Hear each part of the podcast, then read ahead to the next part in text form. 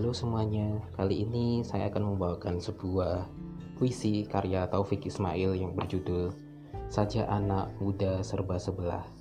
Selamat menyimak. Si Tony dicabut kupingnya satu yang kanan, maka suara masuk kuping kiri tembus ke otak, dikirim balik dan jatuh di kuping kiri lagi.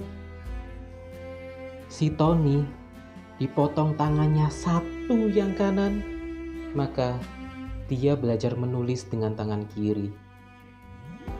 Si Tony diambil satu matanya yang kanan, maka air matanya tetes ke sebelah kiri. Si Tony dipetik jantungnya lewat rongga kanan, tapi gagal karena jantung itu mengelak ke kiri. Si Tony dipotong ginjalnya satu yang kanan, tak gagal karena sesuai secara faali. Si Tony diambil kakinya satu yang kanan, maka dia main bola cuma dengan kaki kiri.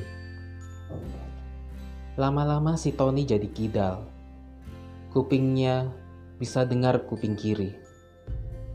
Tangannya main gitar tangan kiri Air matanya menetes di mata kiri. Ginjalnya menyaring di sebelah kiri. Dia tendang bola dengan kaki kiri. Lama-lama si Tony ingin kerja. Cita-citanya lumayan sederhana. Dia mau jadi supir saja, tapi tak ada lowongan baginya karena kendaraan setir kanan semua. Hai, tunggu dulu. Tony ini anak saya kah? Atau anak saudara kah?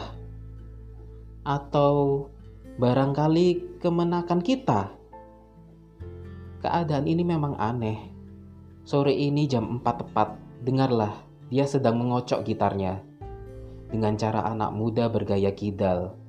Dan itu bukan suara gerimis, bukan. Itu air matanya memukul-mukul lantai beranda. Terima kasih.